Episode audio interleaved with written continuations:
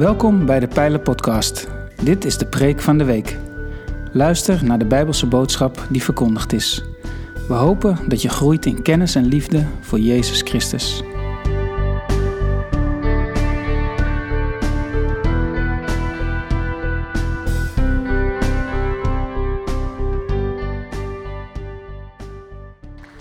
Ik wil met jullie graag lezen uit de schrift, uit de Bijbel, Gods woorden, voor jou, voor mij vanmorgen.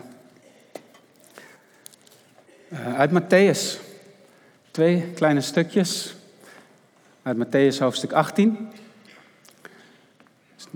Zoek het rustig op, als je je Bijbel mee hebt. Het wordt ook geprojecteerd. Ik lees met jullie vers 1 tot en met 5 en daarna vers 10 tot en met 14.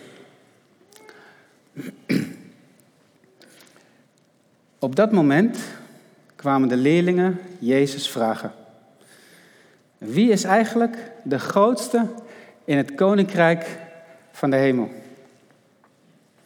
Hij riep een kind bij zich, zette het in hun midden neer en zei: Ik verzeker jullie, als je niet verandert en wordt als een kind, dan zul je in het koninkrijk van de hemel zeker niet binnengaan.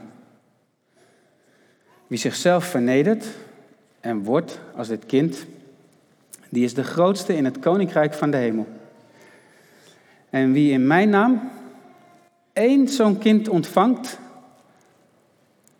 die ontvangt mij. En dan vanaf vers 10. Waak ervoor, waak ervoor. Waak ervoor ook maar één van deze geringe mensen te verachten. Want ik zeg jullie, hun engelen in de hemel aanschouwen onophoudelijk het gelaat van mijn hemelse Vader. Wat denken jullie? Als iemand honderd schapen bezit en, daarvan, en één daarvan dwaalt af, zal hij er dan niet 99 in de bergen achterlaten en op weg gaan om het afgedwaalde dier te zoeken? Als hij het vindt, dan zal hij zich, dat verzeker ik jullie, over dat ene meer verheugen dan over de 99 anderen die niet afgedwaald waren. En zo is het ook bij jullie Vader in de hemel. Hij wil niet dat een van deze geringe mensen verloren gaat. U heeft het woord van God gehoord, lieve mensen. De woorden van Jezus zelf. En wat is het goed om de week zo te beginnen met de woorden van Jezus. Als je een week achter je hebt liggen, inderdaad, van allemaal woorden, allemaal lawaai, dan is het een voorrecht om in het huis van de Heer je week te beginnen met woorden van God. Waarom zou je je druk maken om kinderen te bevrijden uit armoede? Waarom zou je daarbij stilstaan? Nou, ik heb een mini-preekje waarin ik drie redenen wil geven waarom je daar je druk over zou maken. En uh, ik wil eigenlijk beginnen met een raadseltje. Ik hou van raadseltjes en ik uh, weet dat de kinderen van groep 7 en 8 zijn er ook een beetje. En klas 1 tot en met 3 zitten ook wat kinderen in de zaal. Dus voor jullie heb ik een raadsel. Dus de andere mensen moeten gewoon even stil blijven gun jezelf even 10 seconden de tijd om na te denken over deze vraag. Ik heb een foto meegenomen van een persoon die niet meer leeft, maar die is wel 87 jaar oud geworden. En ik wil even weten of jij weet wie dat is. Dus als je het weet, niet gelijk roepen, gun de andere, het andere kind ook even bedenktijd. Ja? Uh, wie is dit?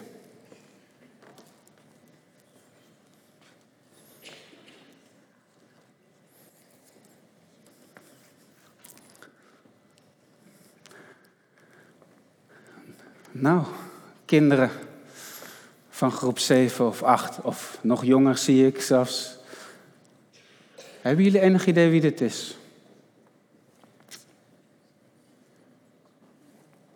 Niemand? Waar zitten jullie op school? oh, kijk, sorry. Ik kijk gewoon niet goed. Jij weet het wel. Moeder Teresa. Heel goed. En wat weten jullie van uh, Moeder Teresa? Want ik zag volgens mij nog een paar handen. Wat weten jullie van deze mevrouw? Kun je iets roepen? Want zij is best wel bekend geweest en nog steeds. En de grote mensen mogen ook wel wat roepen. wat weten jullie van deze mevrouw? Ze is heilig verklaard, hoor ik. Een van de liefste volwassenen. Ja. Sorry? Ze hielp andere mensen, ja. Arme mensen, ja, ja, ja, ja. Waar is ze geboren, die mevrouw? Al Albanië, Skopje. Noord-Macedonië nu, maar ze is opgegroeid in een Albanese gezin. Raakte ook haar vader, het is een terugkerend thema, haar vader op jonge leeftijd kwijt. Maar moeder uh, gaf de liefde voor Jezus aan haar mee. En zij uh, kwam tot geloof op jonge leeftijd. En ze ging uh, op reis. Eerst naar Ierland, een jaartje, om de taal, het Engels te leren. Dus helemaal ondergedompeld in de Engelse taal. En waar ging ze toen naartoe? Dat, we, weten jullie vast wel. Ja, naar India. Ze ging naar India om daar de mensen te vertellen over Jezus, over de liefde van Jezus. En dat heeft ze behoorlijk lang en veel gedaan. En er was een keer een, uh, een interviewer, een journalist, en die was heel erg uh, enthousiast en vol bewondering voor, uh, voor moeder Teresa. En die kwam op haar aan en die vroeg van, waar haalt u dat toch vandaan? Die enorme passie voor de armen.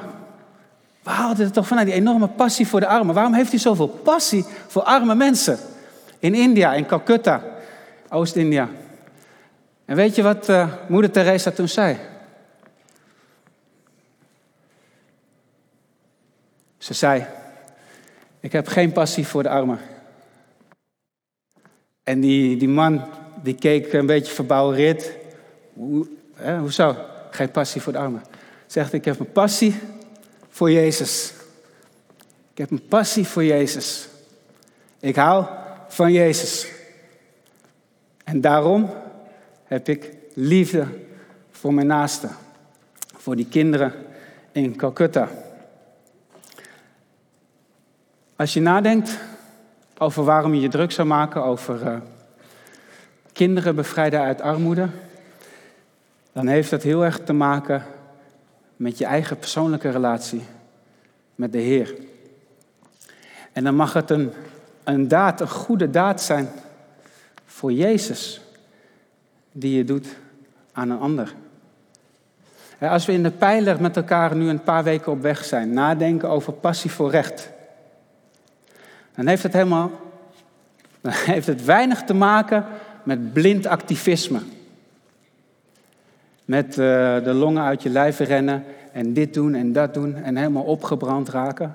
Dan, dan, hebben we, dan hebben we het niet goed begrepen of niet goed gecommuniceerd. Maar nu zeg ik tegen jou, passie voor recht heeft te maken met jouw persoonlijke relatie met de Heer Jezus. En het is een voorrecht in een relatie als je elkaar liefde kunt betonen en als je van binnen opgebouwd wordt en bemoedigd wordt door wat je ziet in de ander. Moeder Teresa, die zag in ieder ander Jezus. Nou, de tweede reden waarom je druk zou kunnen maken, mogen maken, om een kind te bevrijden uit armoede, heeft te maken met de waarde van een kind.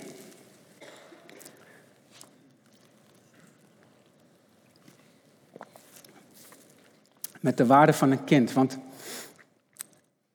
in vers 10 zegt Jezus, ik heb het drie keer herhaald, waak ervoor om ook maar één van deze geringe mensen, en dan heeft hij het over de kinderen, over het kind ook wat daar in het midden staat, om ze te verachten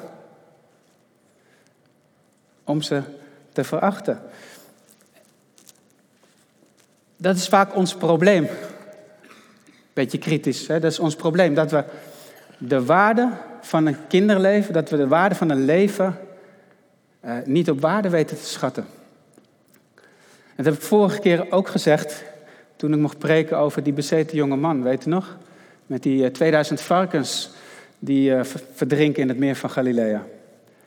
En er was een man die zat aan de voeten van Jezus en die was weer gekleed en bij zijn volle verstand.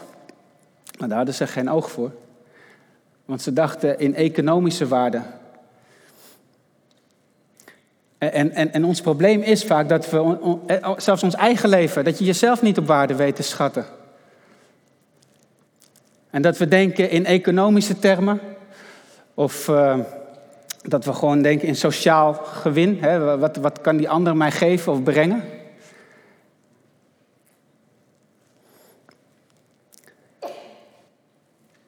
Je druk maken over kinderen in armoede heeft te maken met dat je kunt ontdekken, kunt leren zien wat de waarde is van een kind.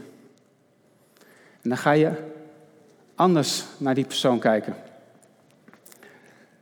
Jezus zegt duidelijk, waak ervoor om ze te verachten, om op ze neer te kijken.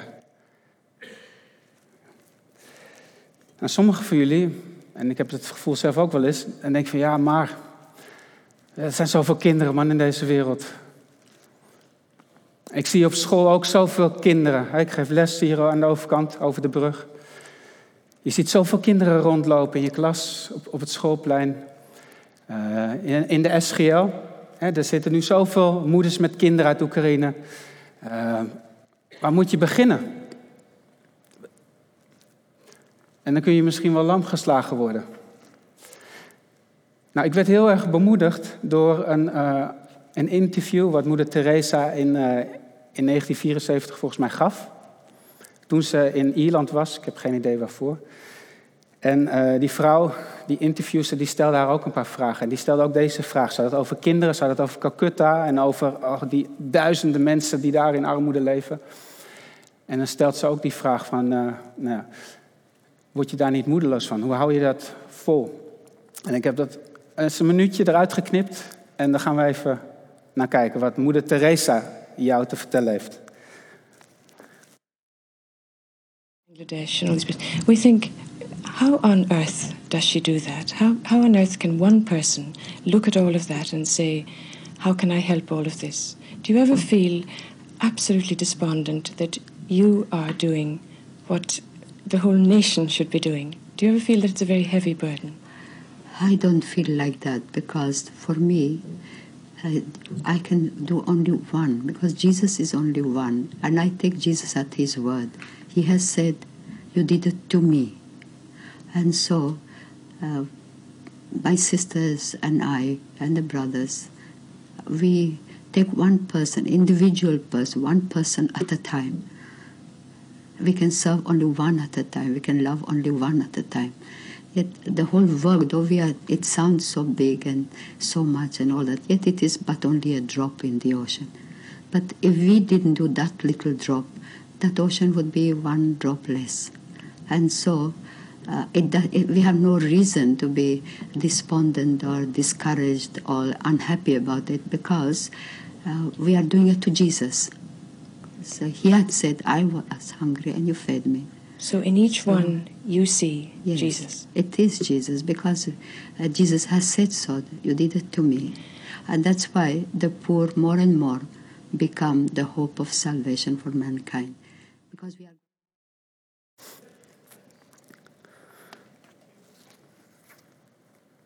Gewoon even laten landen wat ze zegt. En dat spreekt mij. Ik heb echt vol bewondering naar deze mevrouw geluisterd. En alleen al die stem van moeder Teresa is een en al liefde. Ik weet niet hoe jullie dat ervaren, maar zo ervaar ik het. En dat ze gewoon duidelijk zegt van één persoon. Die oceaan, oké, maar die, die ene druppel, die ene persoon. Je kunt ook maar één tegelijk aankijken. En liefde geven, één tegelijk. En echt aandacht voor iemand hebben. En wat een voorrecht als je dat kunt en mag doen in je leven. Iemand aankijken en aandacht geven. En misschien ook wel wat dingen meegeven. En misschien, en dat is mijn laatste puntje, ook wel gewoon jezelf beter leren kennen doordat je in contact staat met een kind in armoede. Want het derde puntje is, het helpt je om je eigen armoede te zien in je eigen leven. Als Jezus aan het begin van hoofdstuk 18 zegt dat je moet worden als een kind en jezelf vernederen, dan pas ben je de grootste in het koninkrijk van de hemel. Sterker nog, als je dat niet kunt of als je dat niet doet, kom je er niet in. Dan heeft dat te maken met leren zien hoe kwetsbaar je zelf bent en hoe, afhankelijk je zelf van God bent. Dan word je als een kind. Want een kind weet dat het kwetsbaar is en dat het afhankelijk is van de ander. En ik denk dat dat uh, een bijzondere, motiverende uh, reden is om een kind te bevrijden uit armoede. Om in, contact te staan met een kind in armoede. Jezelf beter leren kennen. Jezus die had een, uh, een broertje en die is ook ouder geworden. En die schreef dat iets scherper op. oh, Jacobus. En zegt hij het volgende, wil ik dan mee afsluiten. En zegt hij tegen de lezers: eh, Luister, geliefde broeders en zusters. Heeft God niet juist hen, die naar wereldse maatstaven arm zijn, uitgekozen om rijk te zijn door het geloof en deel te krijgen aan het koninkrijk dat Hij heeft beloofd aan wie Hem liefhebben?